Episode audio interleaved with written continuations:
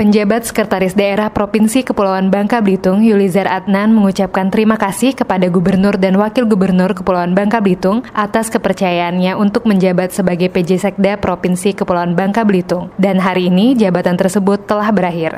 Ucapan tersebut disampaikan Yulizar ketika menjadi pembina upacara mingguan ASN Pemerintah Provinsi Bangka Belitung yang berlangsung di halaman kantor Gubernur. Menurutnya, hampir 9 bulan menjabat PJ Sekda, dirinya telah menjalankan tugas tersebut dengan baik baik. Namun, sebagai manusia biasa tentunya ada kekurangan. Untuk itu, dirinya mengucapkan mohon maaf kepada publik agar kehilapan dan kekurangan selama menjabat dapat dimaafkan. Alhamdulillah, saya sudah diberikan kesempatan oleh Bapak Gubernur dan Pak Wakil Gubernur untuk pejabat sementara Sekda Provinsi Bangka Belitung selama hampir 9 bulan. Alhamdulillah, semua pekerjaan berjalan dengan lancar tanpa halangan apapun. Saya tentunya dalam melaksanakan tugas sebagai penjabat Sekretaris Daerah Provinsi Bangka Belitung. Tentunya mungkin ada kekeliruan, kesalahan, kehilapan. Saya mohon maaf pada teman-teman kami sesama ASN dan kepada masyarakat juga yang mungkin dalam pelayanan kami kurang maksimal. Dan harapan kami ke depan dengan adanya Sekda definitif akan membawa Provinsi Bangka Belitung ini lebih maju lagi. Yulizar Adnan berharap Sekda Pemerintah Provinsi Bangka Belitung definitif Dr. Dr. Anders Naziarto SHM MA yang akan dilantik agar dapat membawa Provinsi Kepulauan Bangka Belitung lebih maju sesuai yang diharapkan. Dari Pangkal Pinang, Listia dari Diskominfo Provinsi melaporkan.